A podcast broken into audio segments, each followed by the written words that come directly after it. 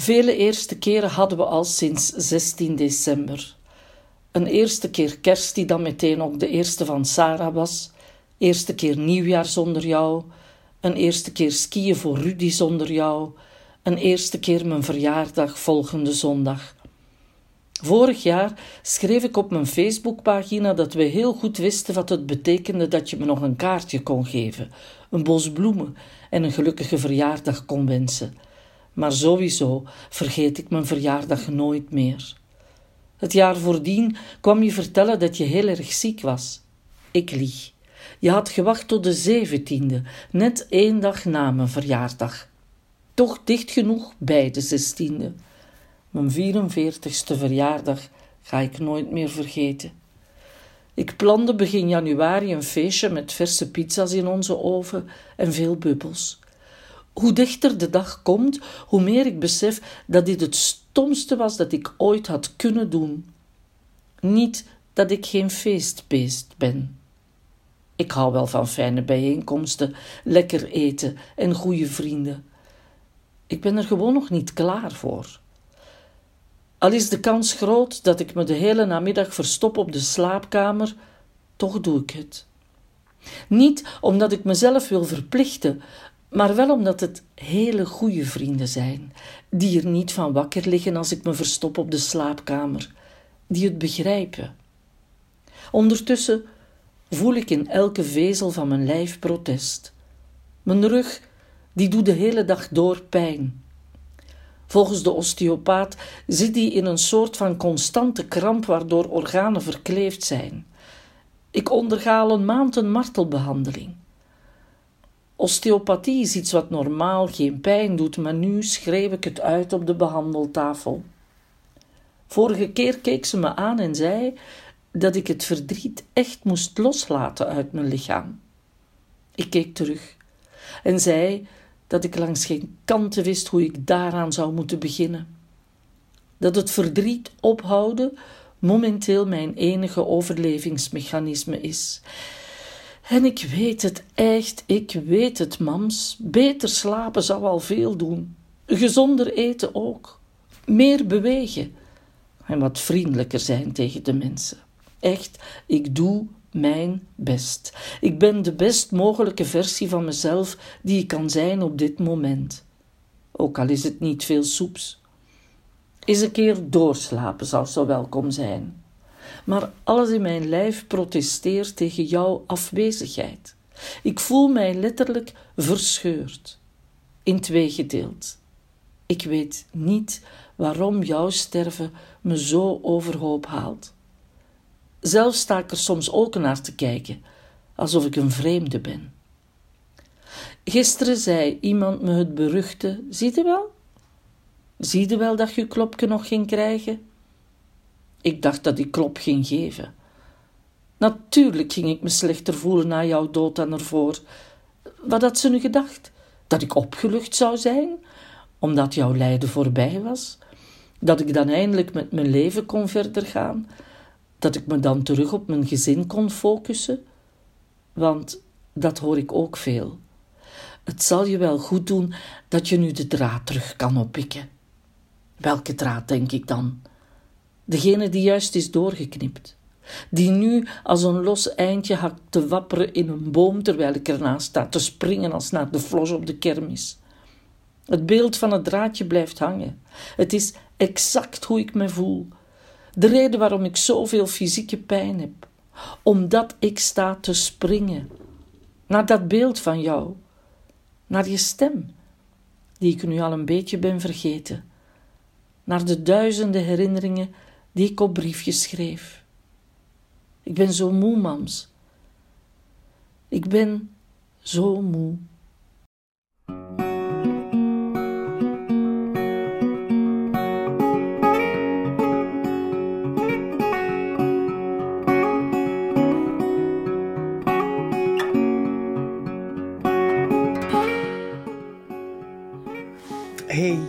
Goedemiddag. Brief nummer 8. Ik heb die net zelf beluisterd. Tenminste, de brief die Chris heeft ingesproken. En ik moet zeggen dat de periode van mijn verjaardag, dat dat een periode is die ik mij altijd heel goed herinner. Omdat dat natuurlijk uh, sinds 2017 een, ja, niet, gewoon niet zo fijn is. En niet zo fijn in die zin dat ik er natuurlijk wel van geniet om uh, met mijn gezin iets te gaan eten en cadeautjes te krijgen. En, en ik vind dat wel fijn om mijn geboortedag, om die in de bloemetjes te zetten. En in ons gezin zijn verjaardagen eigenlijk wel heel belangrijk. Voor Louis doe ik zelfs een verjaardagsweek. Dat is een week waarin dat hij gewoon de hele week mag kiezen wat we gaan eten. We gaan ook echt uiteten op zijn verjaardag. En hij krijgt eigenlijk elke dag een klein cadeautje. Om dan met zijn verjaardag het grote cadeau te krijgen. Dus het is niet dat ik verjaardagen op zich niet fijn vind. Maar mijn verjaardag is toch wel een beetje speciaal. Omdat ik, um, ik was thuis. Ik had uh, een paar dagen vrij afgenomen, of allee, een paar dagen vrijgezet in mijn agenda, omdat het mijn verjaardag was. En ik kreeg heel onverwacht de 17e februari, dus de dag nadien, mijn mama op bezoek. Um, wat ik vreemd vond, want ja, allee, wij zijn niet zo de, of wij waren niet zo de, de, uh, we gaan elkaar bezoeken, verjaardagsmensen. Dat was gewoon een telefoontje en de eerstvolgende keer dat we elkaar dan zagen, dan werd er natuurlijk wel een cadeautje gegeven of, uh, dus ik, ik was heel erg verrast toen ze er was. Ik herinner mij nog dat ik aan het afwassen was. Afwassen was. Dus iedereen was de deur uit. Edward was gaan werken. Louis was naar school. En ik was zo de, de ja, ontbijttafel aan het opruimen en een paar dingen aan het afwassen van het eten van de dag daarvoor. En ik, ik wist echt van niks. Echt niet. Um, ik wist natuurlijk wel dat ze een aantal testen had moeten laten doen omdat ze de laatste tijd zo moe was. Maar op dat moment zaten wij nog altijd op de piste van um, haar hart. Hè? Dus dat het hart iets minder goed functioneerde. Um, en ik moet ook zeggen, ons moeder die was denk ik onwaarschijnlijk in het, in het, het verbergen van haar, haar echte emoties ook. Want die is, die is binnengekomen. Ja, gelukkige verjaardag. Um, met een bos tulpen. Ik kreeg van mijn mama elk jaar het, het aantal tulpen van mijn uh, verjaardag. Omdat tulpen ja, dat zijn zo de, de typische bloemen van de, de periode waarin ik jarig ben. Um, sneeuwklokjes, krokussen, uh, tulpen. Um, en ik krijg dus elk jaar van haar zo'n heel dik pak met, uh, met tulpen. En ik zie haar echt nog binnenkomen. Het was een redelijk koude dag. Ah, tasje koffie, mams. Ja, ja, dat is goed. Geef me maar een tasje koffie. En ze viel stil. We waren aan het babbelen en op een bepaald moment ze viel stil en, ik, en ze stond zo aan de raam en ze was naar buiten aan het kijken en, en ze zei me van, ja, ik heb eigenlijk slecht nieuws. Ik zeg, ah ja, oké. Ja, ik heb kanker. En dat is echt slecht nieuws. Dat is nieuws waar dat je niet aan verwacht. Um, natuurlijk, nee, wij zaten niet mee in heel dat proces van naar de dokters gaan en, en want ja, dat, dat, dat doen mensen uiteraard met hun partners. Um, en, en, um, ja, wij hadden toen ook niet zo die relatie waarin, waarin dat ik zo op dat vlak ondersteunend was. Maar dat was slecht nieuws. Ik, ik kan u verzekeren dat dat is, dat is, dat is binnengekomen. Ik was uh, sprakeloos. Ik, heb, ik wist niet wat ik daarop moest zeggen. Ik weet wel dat ik zo heel snel in een hele praktische modus ben gestapt. Dat ik niet huilde, maar dat ik echt gewoon vroeg, ja, en wat nu? En op dat moment wisten we ook nog niet, wist zij ook nog niet dat, het, dat ze ongeneeslijk was. En was de piste nog altijd dat ze gewoon zou geopereerd worden, een stuk darm eruit, en dat ze dan de rest zouden nakijken om te zien of er ergens um, ja, nog stukjes waren die aangetast waren. Um, chemotherapie. Voilà, dat was het. Dus ik had zoiets van, oké mams, je gaat deze keigoed doen. En um, ik ga zien op welke manier dat ik uh, kan helpen. Hè? Chauffeur zijn, uh, iets komen doen in het huishouden. Ja, noem maar op. Hè. We zullen gaandeweg moeten zien wat dat je nodig hebt. Maar ik. En dat was het eigenlijk. Dat was het. Um, ze ging door. Na een uur of twee, denk ik. En dan ben ik natuurlijk helemaal gecrashed. Dan ben ik echt, echt heel hard beginnen huilen. Maar nog altijd met de idee dat het wel oké zou komen. Alleen dat het oké zou zijn. Dat het, dat het, het zou wel goed komen. Um, wel, allee. Zij was sterk, hè. Zij was op dat moment jong. Heel sportief. Um, niet, geen overgewicht. Um, eigenlijk nooit niet echt serieus ziek geweest. Um, wel eens een verkoudheid en wel eens een griepje, maar zo. Ja, dat is de haan op de achtergrond. Die is dan protesteren tegen iets. Maar zo nooit niet, niet nooit niks ernstig. Paar keer geopereerd geweest, maar dat is allemaal oké okay gekomen. Allee, allemaal goed gekomen. Dat was allemaal oké, dus wij, we hadden op dat moment geen van allemaal zoiets van, oké, dit is iets definitief. Um, natuurlijk, een paar weken later um, wisten we wel meer.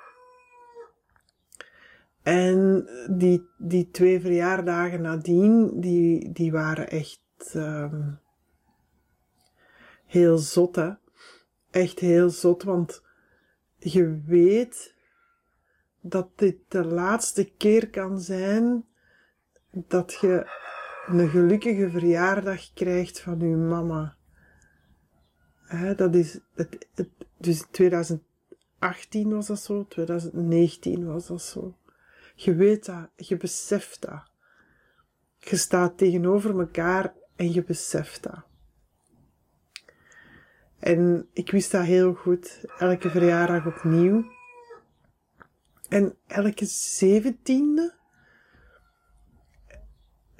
vind ik het moeilijker dan de 16e. Dus elke 17e februari vind ik moeilijker dan de 16e februari. Misschien is dat ook gewoon iets in mijn hoofd. Iets, allee, ik, heb, ik heb ook voor mezelf um, op een bepaald moment beslist, ik denk um, 2021 al, heb ik gezegd van uh, eh, 16 februari, weet dat, dat wordt terug een datum waarin we iets leuks doen. En idem voor 16 december, haar sterfdatum. Um, idem voor 21 juni, haar verjaardag. Dat zijn echt zo drie dagen op een jaar waar ik vrij afneem. Maar waar ik ook beslis dat we iets fijns gaan doen. Um, en we, dat is dan meestal, ja, Edward en ik, mijn echtgenoot en ik, of uh, Louis en ik, mijn zoon en ik, als, als hij kan. Um, omdat ik niet wil dat dat zo elk jaar opnieuw dagen van tristesse worden. Dat verdriet dat komt en dat, dat overvalt mij sowieso. En op de meest onverwachte en vaak ook de meest gênante momenten. In zoverre dat verdriet gênant kan zijn natuurlijk. Um, maar ja, dus vandaar dat misschien die zeventiende dan net iets moeilijker is dan die zestiende. Um, wat ik mij ook herinner, ehm, dat is dat ik dus toen, de, de 2020, ehm, dat ik ook echt iets gepland had met veel vrienden en dat ik ook wist een paar dagen op voorhand of een week op voorhand, oh, wat heb ik nu gedaan? Waarom heb ik het mezelf zo moeilijk gemaakt? Ik ga, ik ga dat niet kunnen. Um, ik wil eigenlijk gewoon in een holkje kruipen en, en, en, en de deur dicht doen of onder de dekens en, en laat mij gerust. Ik wil dat die een dag gewoon passeert. Maar uiteindelijk heb ik dat niet gedaan. Heb ik ook echt heel veel vrienden uitgenodigd. Ik denk net om dezelfde reden. Hoewel ik dat toen nog niet zo heel duidelijk beslist had van ik ga um, mijn 16e verjaardag, dat moet gewoon een plezante dag worden. Wat ik me ook herinner, en dat is um, in die acht weken daarna begonnen, want dat, dat kan ik zien in mijn dagboek, maar ik herinner mij dat ook, hoe ik um, week na week na week steeds meer moe werd. Dat er zo een, een vermoeidheid over mij kwam, alsof ik al die weken daarna, of alleen nee, um, die, die twee jaar daarvoor, hè, dus de twee jaar dat ze ziek was en, en, en um, dat ik daarmee bezig was, en dan zeker in de maanden voor haar sterven, dat, we ook, dat ik ook echt gezorgd heb voor haar en dat we dan die palliatieve zorg hebben gedaan. We hebben dat allemaal zelf gedaan. En wat ik mij zeer goed herinner, um, dat is dat ik dat er zo'n algemene vermoeidheid um, in mijn lichaam kwam. Um, ik, kan dat, ik kan dat heel moeilijk omschrijven hoe moe ik was. Um, maar ik sliep niet door. ik, emoties en verdriet werken bij mij ook heel sterk in op mijn metabolisme.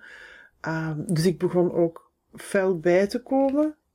Uh, niet dat ik per se meer at, maar ja, ik, dat was gewoon, ik hield gewoon elk, elk, elk suikertje, elk, uh, elk stukje vet, ik weet het niet.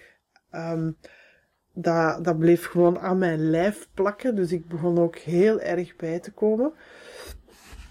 Uh, dat was al in de maanden daarvoor, um, toen ze nog ziek was en nog leefde. En Um, ja, dat is zo een vermoeidheid die ik nu soms nog kan voelen.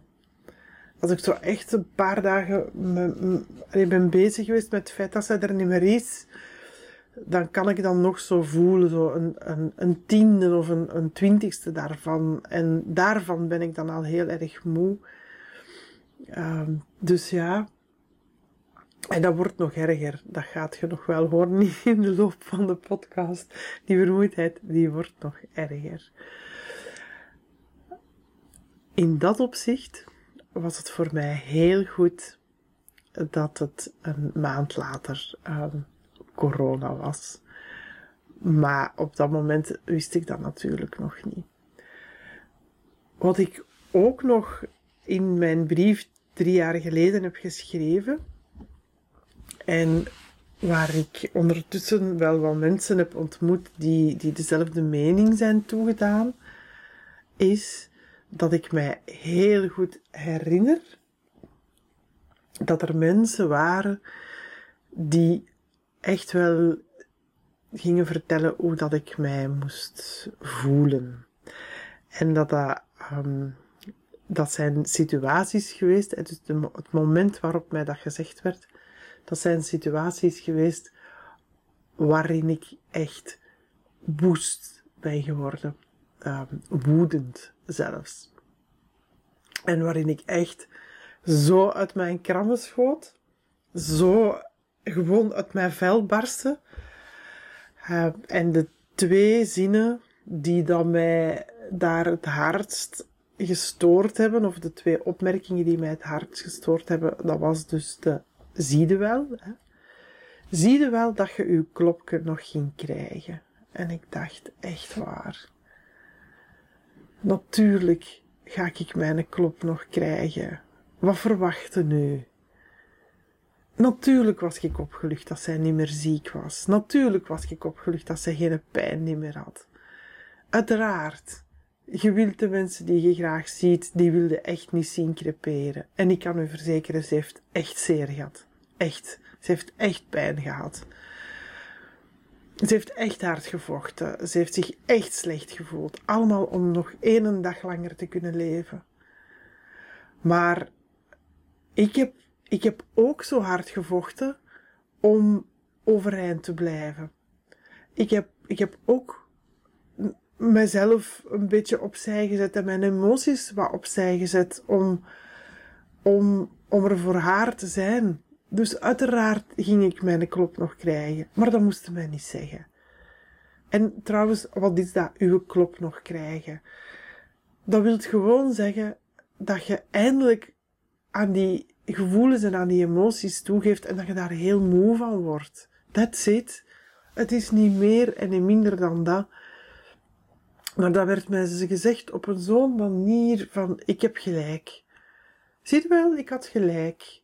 Je had naar mij moeten luisteren. Je had beter voor jezelf moeten zorgen daarvoor. Dat ging niet. En in mijn hoofd, terwijl ik dit aan het zeggen ben, denk ik, dat ging niet. Trut. Maar, bon. Dat ging niet.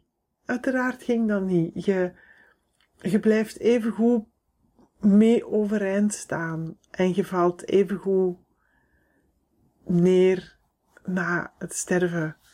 Ik ben niet de enige die dat dan meemaakt. Ik hoor dat van zoveel mensen die ook in een situatie hebben gezeten waarin dat ze hebben gezorgd voor iemand of waarin dat ze iemand hebben zien aftakelen.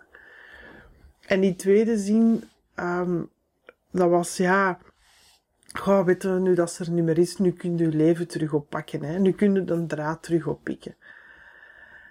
En daarvan dacht ik ook, welke draad? De navelstreng, de onzichtbare navelstreng met mijn mama is juist doorgeknipt. Die is er niet meer. Dat is weg. Zij is er niet meer. Ze is er emotioneel nog en ze is er ja, spiritueel nog, als ik dat dan zo mag noemen. Maar fysiek is die er niet meer. Welke draad moet ik oppikken? Wat moet ik doen? Moet ik mij gedragen zoals daarvoor? Nee, dat gaat niet. Want dat heb ik daarvoor geprobeerd. Of heb ik daarvoor gedaan om in uitzonderlijke en moeilijke omstandigheden zo gewoon mogelijk te doen. Dus nee, dat gaat niet. Ik kan die draad niet terug oppikken. Ik heb eerst tijd nodig om alles een plekje te geven. En ik heb tijd nodig om moe te zijn. En ik heb tijd nodig om mij kei slecht te voelen. En dan zal ik stilletjes aan terug wat meer van het leven gaan genieten. Maar ik ga nooit meer die draad oppikken. Want die draad, waar dat de mensen het dan over hebben, dat is een draad van een stukje mijn leven waar dat zij er nog is. En zij is er niet meer. Dus het enige dat ik kan doen, is verder gaan met de draadjes die er dan nog wel zijn om in de symboliek te blijven. Maar die draad, die is weg, doorgeknipt. Voor altijd. Ik ga die nooit meer kunnen terugpakken. Zo is dat gewoon. Zo is dat. En zo gaat dat blijven. En ik denk dat ik daarmee alles heb gezegd voor deze week. En uh, ik hoop dat jullie er volgende week ook terug bij zijn. Bye bye.